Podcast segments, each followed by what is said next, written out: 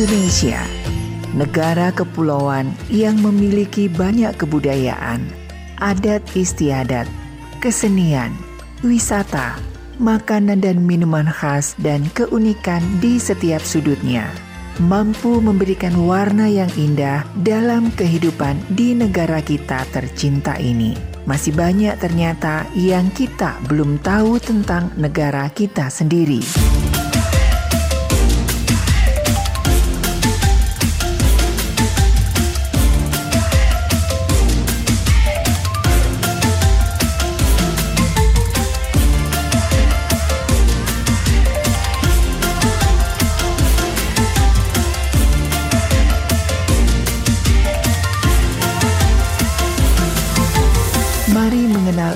Indonesia bersama Maestro Indonesia. Jati diri wajah Indonesia.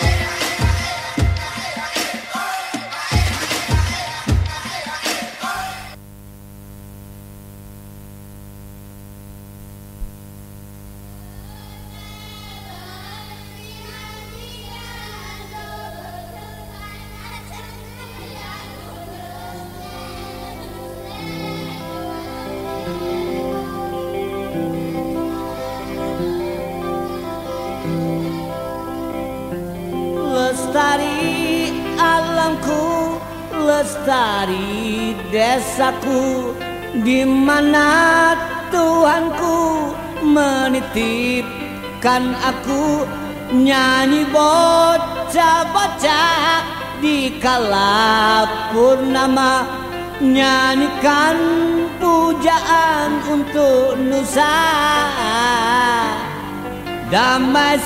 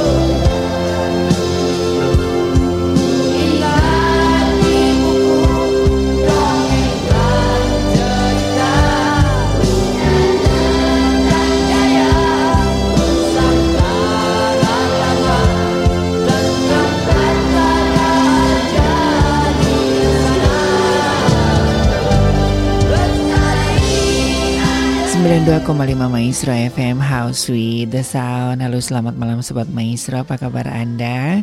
Senang sekali saya Ari dan juga rekan Yuda Kembali mengajak Anda untuk merajut negara kesatuan Republik Indonesia Dalam semangat kebangsaan bersama Maestro Indonesia Jati diri wajah Indonesia Minggu 12, 11 eh, Desember 2022 hingga menjelang pukul 10 malam nanti ya lagu-lagu oldies Indonesia di era lama akan kami hadirkan untuk menemani malam hari Anda yang cukup dingin ya.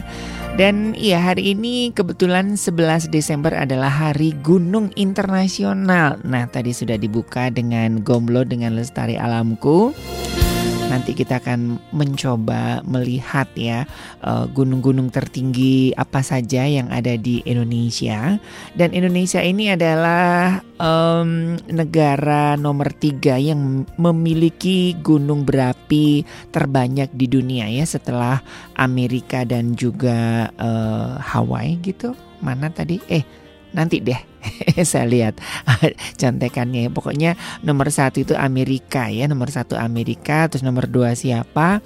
Baru nomor tiga Indonesia dengan 150 sekian gunung berapi ya. Dan nanti kita akan coba lihat ada 10 gunung tertinggi. Dan kalau kita berbicara gunung ya sobat maestro ini kan filosofinya kan cukup dalam ya sebagai tempat yang agung dan juga sebagai uh, sumber uh, banyak hal ya dan iya sekaligus kita juga turut bersimpati dan berempati bagi saudara-saudara kita yang ada di uh, Malang, Lumajang dan sekitarnya karena sampai hari ini ya Gunung Semeru masih mengeluarkan uh, laharnya begitu ya. Nah itu pentingnya ya sobat maestro ya buat kita itu menjaga uh, gunung ya karena memang itu sumber salah satu devisa negara begitu ya dari sekitar 20% pariwisata di dunia itu adalah wisata alam ya. Silakan di 081321000925 Anda bisa pergunakannya untuk menikmati kidung uh, lagu-lagu oldies khusus Indonesia. Ada Rita Ruby Heartland ya. Ini salah satu pecinta alam Indonesia.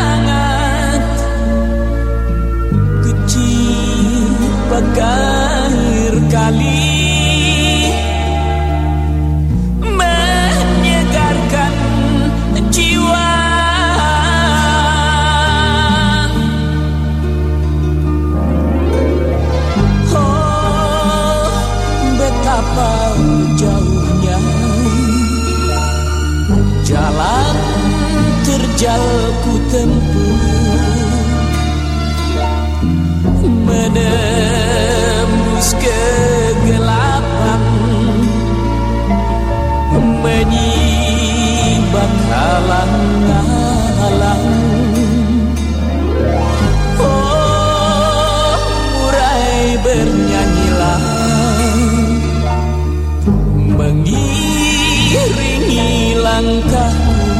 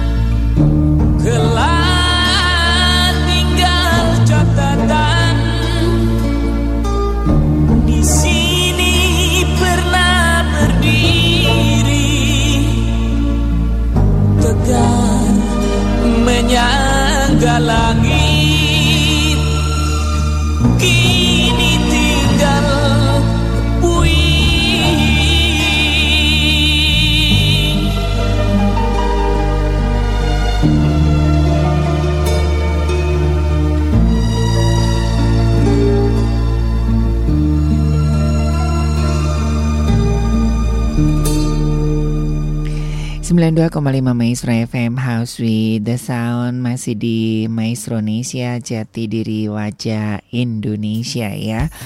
Dan masih bersama saya saya Ari dan juga rekan Yuda ya menemani Anda ya. Silahkan di 081321000925 Nah Sobat Maestro 11 Desember ini setiap tahunnya masyarakat di seluruh penjuru dunia merayakan Hari Gunung Internasional Dan uh, peringatan Hari Gunung Internasional ini tidak lepas dari sektor pariwisata pegunungan ya yang menyumbang uh, 20% wisata global begitu ya. Nah, untuk tema tahun 2022 ini mengangkat tema wisata gunung berkelanjutan ya. Diangkatnya tema ini diharapkan dapat meningkatkan sektor pariwisata berkelanjutan di pegunungan sehingga dapat berkontribusi dalam mengentaskan kemiskinan, inklusi sosial, serta lanskap dan konservasi keanekaragaman hayati ya. Tapi ya memang ini uh, dari himbauan BMKG ya Sobat Maestro ya untuk lebih waspada ya buat Anda yang berada di daerah perbukitan ya dan uh, kemarin uh, hari ini ya hari ini tadi itu dapat uh, informasi dari BMKG uh, khususnya di Cianjur yaitu ada lempeng Cugenang ya. Jadi ini berbeda dari lempeng Sesar Lembang ya. Jadi ada sembilan desa dari satu kecamatan yang harus dipindahkan karena memang itu uh, sampai hari ini juga masih ada gempa susulan ya karena ternyata setelah diselidiki itu ada uh, sesar Cugenang ya jadi untuk anda yang berada di uh, mungkin di Lembang, di Garut, di beberapa uh, perbukitannya untuk tetap berhati-hati. Saya hadirkan kembali nih ada Frankie and Jane ya. Kalau kita me apa namanya ya lagu-lagu yang uh, dengan kritik sosial tuh kan kalau nggak Frankie and Jane, Ebit GAD, uh, Rita Ruby Hartland ya sudah entah ke mana beliau ini ya kakak dari uh, siapa Paramita Rusadi terus juga hmm, uh, siapa lagi ya penyanyi uh, Iwan Fals ini juga ya salah satunya tapi tidak sebanyak Frankie Engine dan juga um, Gombloh juga termasuk salah satu yang juga peduli uh, tentang lingkungan begitu ya. Baik, kita nikmati Frankie Engine dengan kepada angin dan burung dan juga dari tabutar-butar dengan seandainya aku punya sayap.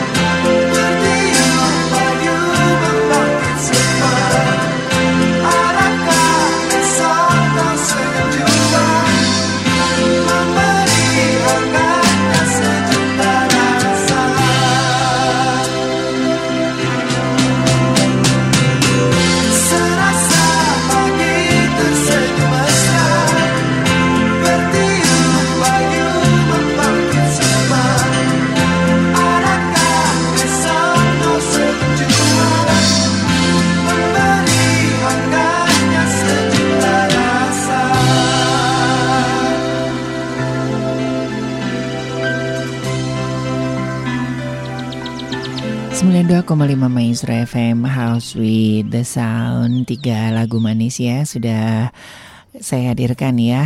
Dan baru saja suara dari Krisya dengan Sabda Alam Memenuhi permintaan Ibu Lani di eh, Antapani. Oma Ana apa kabar? Ya sebentar lagi eh, dihadirkan ya Siti Nurhalizahnya. Selamat malam juga buat eh, Pak Diman. Apa kabar Om Diman? Ya Kepingin nikmati burung-burung putih dari Christine Panjaitan. Ya habis gini dihadirkan ya. Selamat malam juga buat Anda ya di mana pun Anda berada. Sembari menikmati keteduhan malam yang ya di seputaran kaca piring, piring masih agak sedikit gerimis-gerimis manja gitu ya.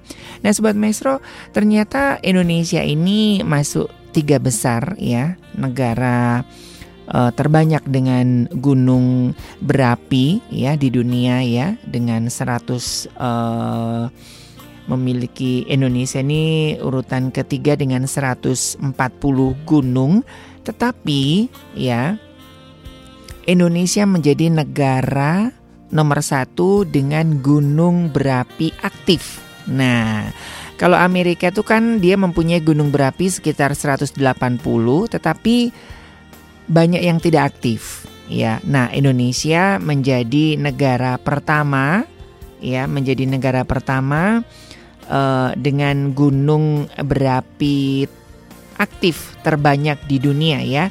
Data per 5 Juni 2022 ya. Jadi eh, Indonesia menjadi negara dengan gunung berapi aktif terbanyak di dunia dan ada sekitar 58 gunung berapi aktif di Indonesia sejak 1950 hingga 5 Juni 2022 dan beberapa di antaranya adalah Gunung Dukono. Aduh ini saya belum menapaki.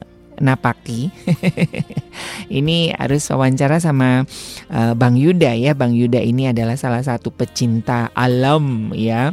Gunung Ibu, Gunung Semeru, Gunung Karang Karanggetang, Gunung Liwotolok, Gunung Merapi dan juga Gunung Krakatau ya.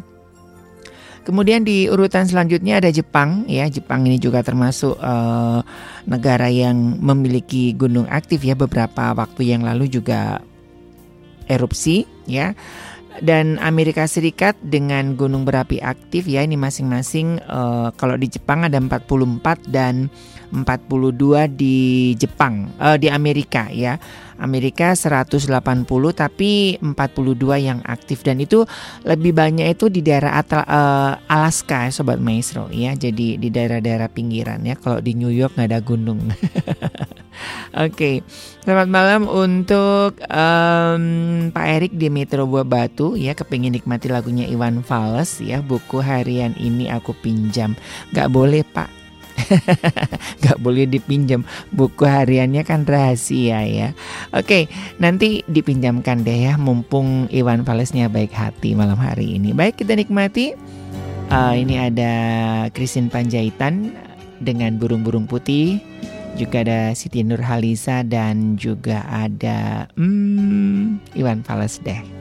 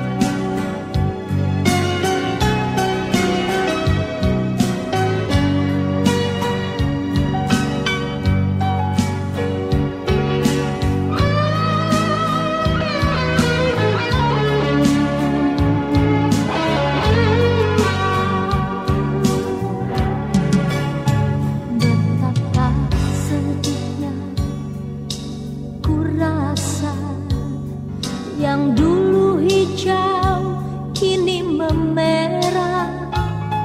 Tangis yang pilu menghibah. Seakan tiada henti menangis.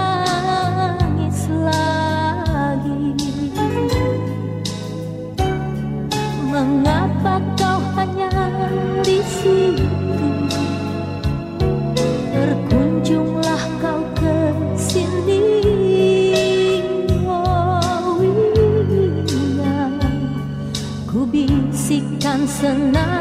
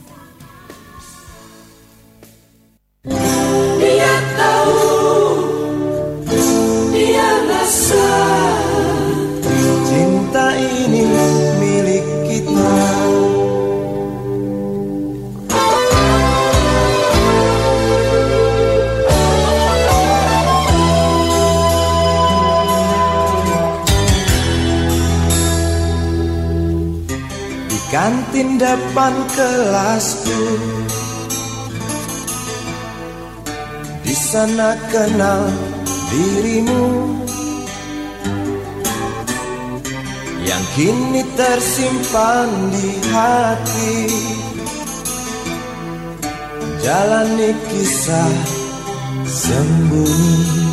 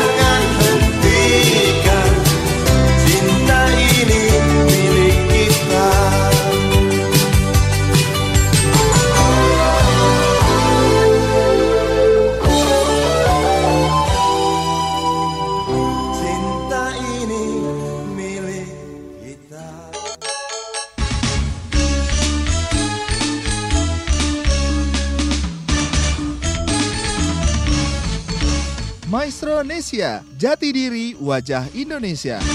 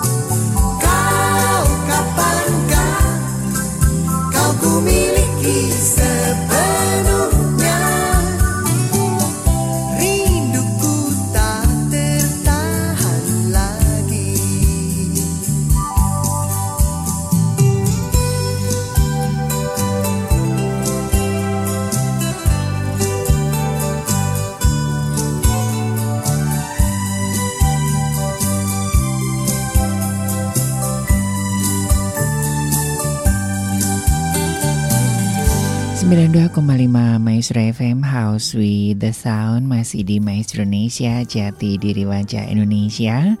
Saya Ari dan juga rekan Yuda masih bersama Anda ya hingga menjelang pukul 10 malam nanti dan sudah berlalu 5 menit dari pukul 21 bersama lagu dari Richie Ricardo dengan Komiliku ya.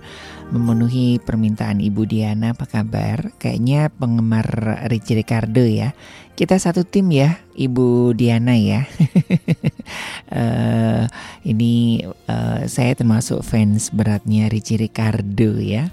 Aduh, zaman-zaman SMP dulu ya kayaknya pas beliau berpulang itu kayaknya hancur dunia. Oke. okay. Tadi itu uh, judulnya kau kumiliki ya Kak Jonas ya. Kau eh kau kau milikku dari Richie Ricardo ya. Selamat malam juga buat Ibu Sri apa kabar? Boleh nikmati lagunya dari Ria Angelina apa aja. Oke. Ria Angelinanya sudah saya siapkan dengan birunya rinduku ya. Kenapa ya Sobat Maestro ya Rindu itu jadi biru ya Kenapa nggak oranye gitu ya Kak tim Belanda Yang udah pulang kampung Ayo Oh Michael ya sedih ya Belanda nggak jadi masuk uh, final ya Oke, ini sebentar ada hmm, oh penyanyinya dari Richie Ricardo kak ya, dari Richie Ricardo. Jadi mohon maaf saya nggak bisa ngetikin satu-satu ya karena saya harus sambil siaran harus sambil uh, pegang ini ya apa namanya uh, apa sih ini namanya ya gitulah ya tempat siaran. nah sobat maestro tidak hanya kaya dengan laut dan pulau-pulau ya Indonesia ini juga termasuk negara dengan jumlah gunung terbanyak ya. Nah kalau di total ya sobat maestro Indonesia memang memiliki uh, salah satu-satunya negara dengan gunung terbanyak ya. Tapi kalau gunung berapi terbanyak Amerika Serikat ya. Tapi gunung berapi yang aktif Indonesia nomor satu ya.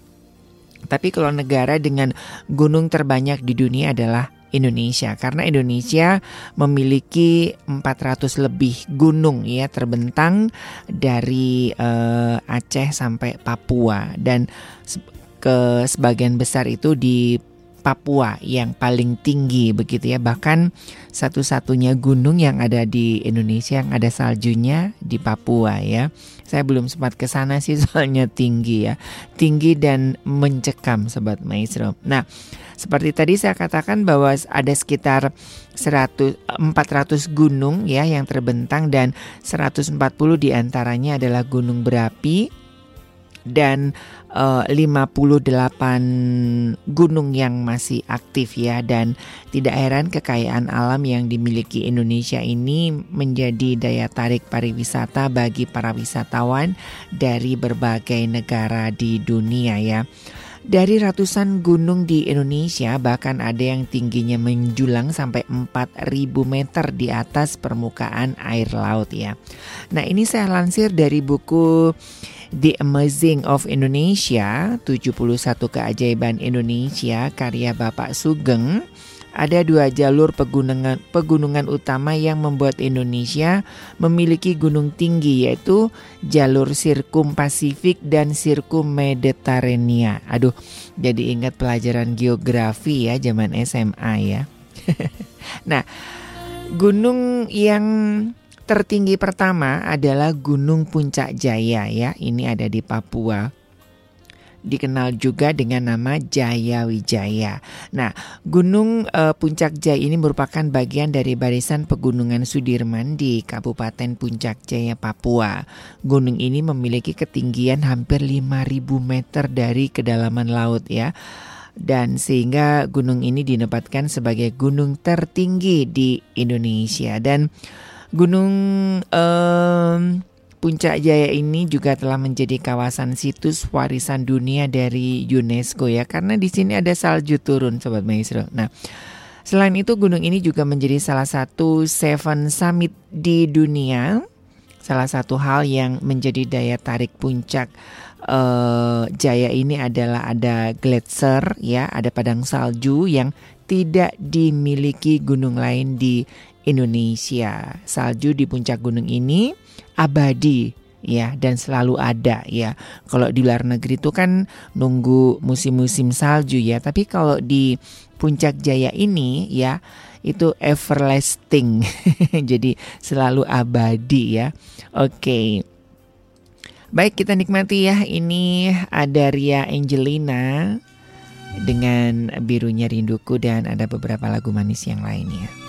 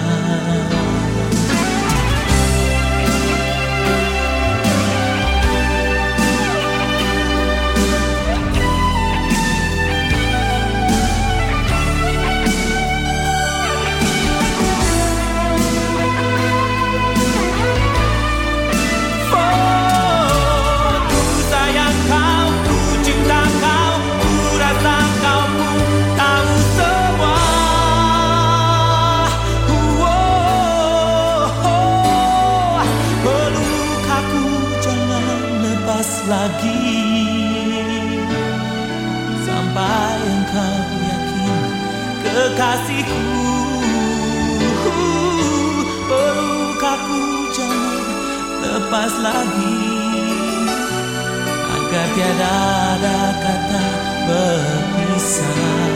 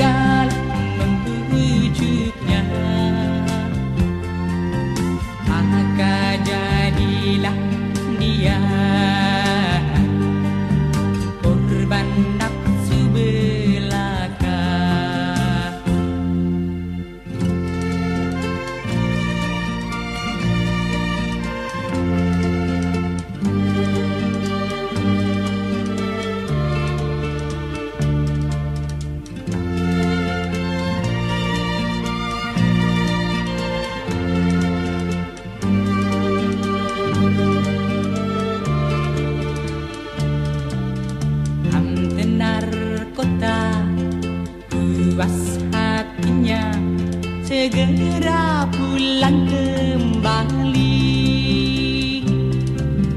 Pejabat muda harum namanya tak mungkin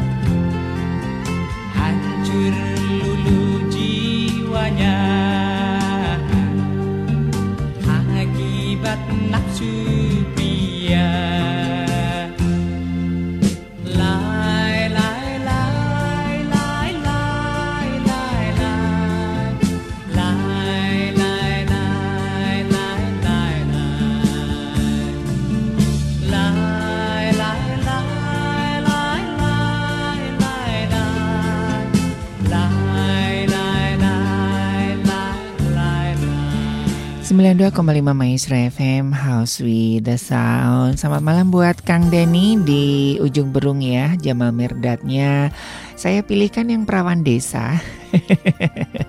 Ya biasanya kan di gunung ya jadi biar nyambung gitu ya saya hadirkan eh, Jamal Mirdad ya dengan perawan desa ya. Nah sobat maestro ternyata ya em, banyak hal yang bisa kita pelajari ya dari eh, khususnya kegiatan mendaki gunung ya Nah, ini ada beberapa filosofi yang saya kumpulkan dari eh, kegiatan mendaki gunung begitu ya. Ternyata ini juga bisa kita implementasikan bagi kehidupan kita ya sobat maestro ya. Dan iya memang eh, tadi ngobrol-ngobrol dengan Bang Yuda ya, memang ada beberapa aturan-aturan ya termasuk ini kapan boleh mendaki gunung dan boleh eh, tidak boleh begitu ya. Karena memang alam itu kan juga butuh rest ya. Karena yaitu tadi ya kita pikirkan sedikit ya yang naik gunung. Eduh ternyata itu ribuan sobat maestro ya. Kan kita nggak tahu kan gunung itu kan gede ya. Ada yang pintu masuknya dari sini dari sini dari sini. Dan tidak semua pendaki gunung itu pencinta alam gitu ya kebanyakannya juga perusak alam makanya seperti yang dinyanyikan Rita Ru- Ruby Hartland gitu ya katanya pecinta alam tapi gores-goresin pohon ya buang sampah sembarangan coret-coret batu gitu ya Nah, ini ada beberapa filosofi dari aktivitas mendaki gunung ya. Nah, yang pertama adalah sebelum men- mendaki gunung, kita harus mene- mene- menentukan tujuan terlebih dulu ya. Sampai puncak teh mau apa gitu ya. Mau mau sampai puncak atau tidak. Nah, Tujuan orang mendaki gunung ini berbeda-beda ya Sobat Maestro. Seperti tadi saya katakan ada pecinta alam Ada yang cuman iseng aja gitu kan. Kayak saya dulu karena kepingin aja penasaran gitu ya. Nah kita harus mampu menilai kemampuan diri serta keinginan yang kita miliki. Mendaki gunung tidak harus sampai puncak. Kita juga bisa bikin camp ya cuman hanya berwisata gitu kan. Jadi hanya separuh kan Kebetulan saya kuliah di lereng Gunung Lawu ya, jadi saya hanya di pos pertama aja. Soalnya saya kan nggak bisa kena kabut ya. Jadi dari eh, mana? Dari eh, Tawangmangu itu tinggal naik aja ya ke Cemoro Sewu. Nah itu di atasnya lagi tuh ada eh, ada pos pertama gitu. Naik lagi saya nggak berani. ya. Nah seperti di Ranu Kumbolo ya, ini di Gunung Semeru ini ini ada ada ada penunggunya di sini ya. Bang Yuda tadi ngobrol-ngobrol nih ya cerita tentang Ranu Kumolo ini, Kumbolo ini ya. Nah, ternyata hidup itu juga seperti naik gunung sobat maestro. Seperti melakukan sebelum melakukan sesuatu kita harus menetapkan tujuan hidup kita itu mau ngapain sih ya. Tidak perlu mencontoh orang lain, tapi tetapkanlah sesuatu yang kita yakini itu bisa dicapai ya. Jangan dibanding-banding ke katanya ya. Nah, serta kita harus tahu apa yang benar-benar jadi keinginan kita yang membuat kita bahagia gitu. Capek ya sobat maestro ya kalau kita hidup nurutin keinginan orang lain gitu. Capek. Sama ya kalau kita eh, mendaki gunung hanya karena em, apa namanya eh, nggak enak ataupun terpaksa gitu ya. Ada hari mukti dengan hanya satu kata.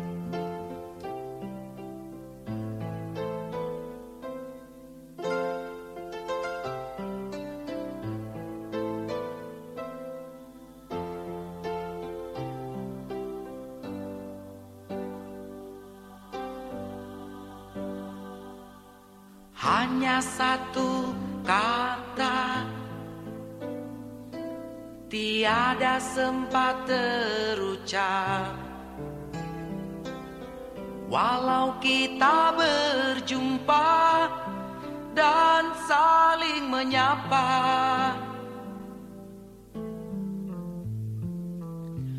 Hanya satu kata. Kembali karam di Walau sering bicara sampai lupa waktu. Di mana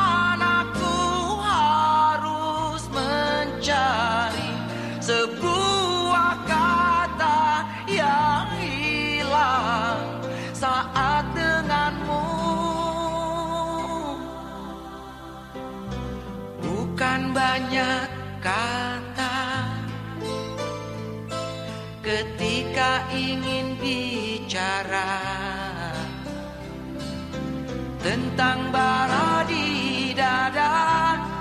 Cukup satu kata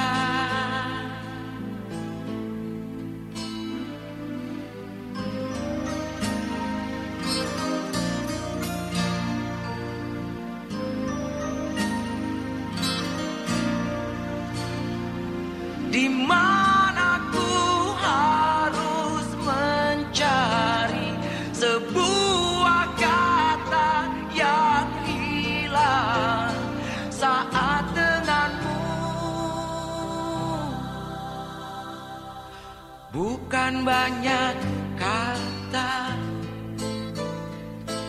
Ketika ingin bicara tentang bara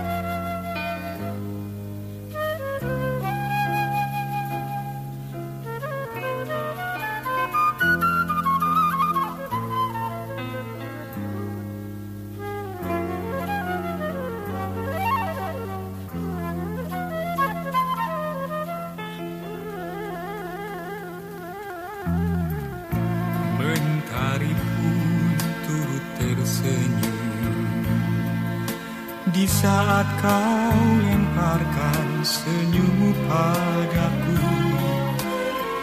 Adakah rasa rindu di balik tirai hatimu? Pintu hatiku terbuka untukmu. Masih ingatkah engkau di kala mentari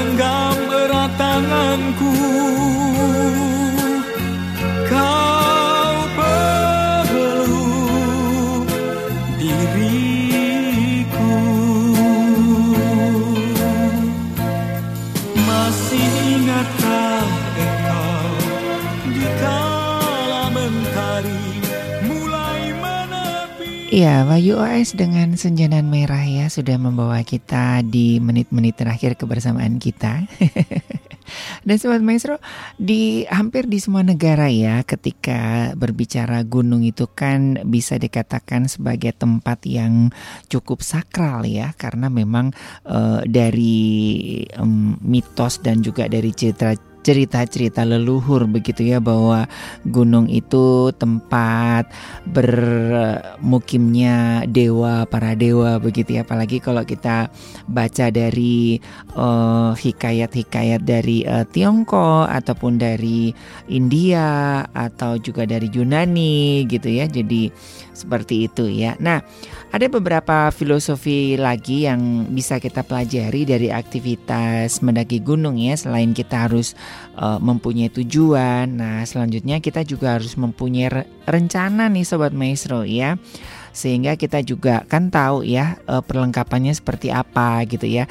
Jadi naik gunung jangan bawa lima koper ya. capek bawahnya ya. Jadi seperlunya aja disesuaikan dengan kebutuhannya apa begitu ya. Karena uh, saya dulu pernah ikut ya, ikut Mapala ya zaman dulu gitu kan. Jadi uh, ketika uh, ada yang apa namanya itu harus dibuangin sobat maestro ya karena lebih sayang nyawa kita daripada barang-barang kita gitu loh. Jadi jangan sampai naik gunung itu aduh baju selemari dibawa, kompor ya, kompor gas, gas LPG dibawa. Hal-hal yang nggak penting gitu ya. Ya penting juga sih, cuman kan ya susah ngebawanya ke sana gitu ya. Nah, terus juga kita juga bisa mendaki gunung ini sendirian bisa, tapi lebih jauh lebih indah itu kalau uh, dengan rame-rame sobat maestro ya berjalan dengan teman nah artinya dalam hidup ini kita nggak bisa sendirian kita butuh teman sobat maestro nah ini tadi juga ngobrol-ngobrol dengan Bang Yuda ya bahwa mendaki gunung itu bukan kita menaklukkan gunung ternyata ya. Bukan tentang bagaimana kita menaklukkan gunung tapi bagaimana kita menaklukkan diri sendiri ya. Karena ada beberapa hal yang orang-orang yang maaf kata yang sombong begitu biasanya dia gampang tersesat dia gampang eh, apa sih karena kedinginan gitu ya dehidrasi dan segala macamnya begitu ya. Karena dia ngerasa jumawa ngerasa sombong gitu ya. Nah ternyata uh, ini yang sering kali dulu juga ditekankan uh, waktu saya ikut mapala ya bahwa uh, kita tidak menaklukkan gunung justru kita itu berbicara tentang bagaimana kita menaklukkan diri mengikuti aturan rambu-rambu yang ada di sana begitu ya. Terus ngelihat cuaca wah ini cuacanya nggak nggak bagus ya jangan paksain naik gitu. Jangan sok ngerti gitu ya. Nah terus selanjutnya ini juga mencapai uh, puncak juga butuh sebuah pengorbanan ya sebuah perjuangan ya. Begitu juga dengan hidup ya. Butuh yang namanya pengorbanan dan perjuangan. Ekodok ekodok coplok. Nah terus ini um, dalam mendaki gunung ini kita juga disadarkan ya bahwa untuk melihat sesuatu yang mengagumkan ya kita harus keluar dari zona nyaman ya. Nah, itu kan harus naik di atas ya. Terus juga uh, ini juga harus diingatkan sobat maestro bahwa tubuh kita itu kan bukan mesin ya. Jadi makanya naik gunung itu nggak bisa ayo ayo segera dipaksain naik gitu kan nggak bisa. Kayak kalau capek berhenti gitu ya. Istirahat se sejenak ya. Sama dengan uh, hidup ya. Jadi kalau capek ya berhenti dulu beristirahat ya. Nah Terus ada filosofi lain bahwa naik gunung ini membuat kita sadar ada ternyata banyak orang baik loh di dunia ini ya. Jadi kalau ngelihat uh, apa namanya ada orang yang tersesat di sana ataupun juga ada orang yang butuh bantuan gitu ya. Itu ada orang-orang baik di sana loh ya sobat maestro yang kita nggak kenal akhirnya jadi akrab ya ada yang ketemu jodoh di gunung yang sama-sama pecinta alam gitu ya. Teman saya sama-sama pecinta alam. Eh akhirnya dapat jodoh tuh ya dari orang eh, dari Jakarta dapat ketemu gitu nyambung gitu kan.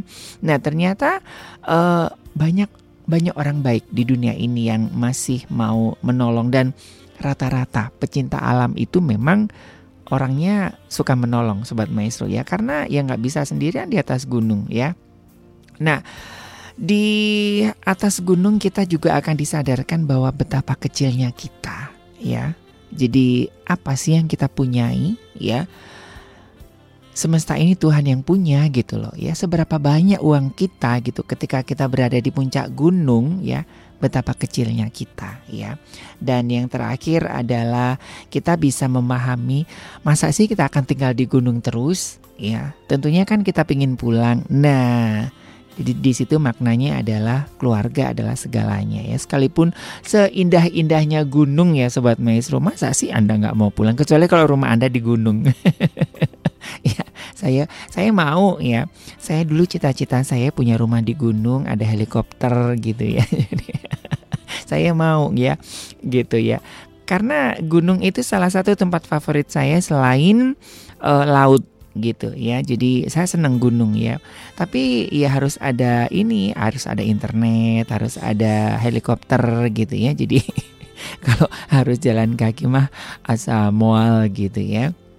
Baik Sobat Maestro, semoga di hari gunung ini juga bisa menyadarkan kita ya bahwa uh, alam itu juga menjadi salah satu pendamping kita ya dan kita juga mesti harus uh, menjaga ya Oke, ini sebentar. Ini siapa ini?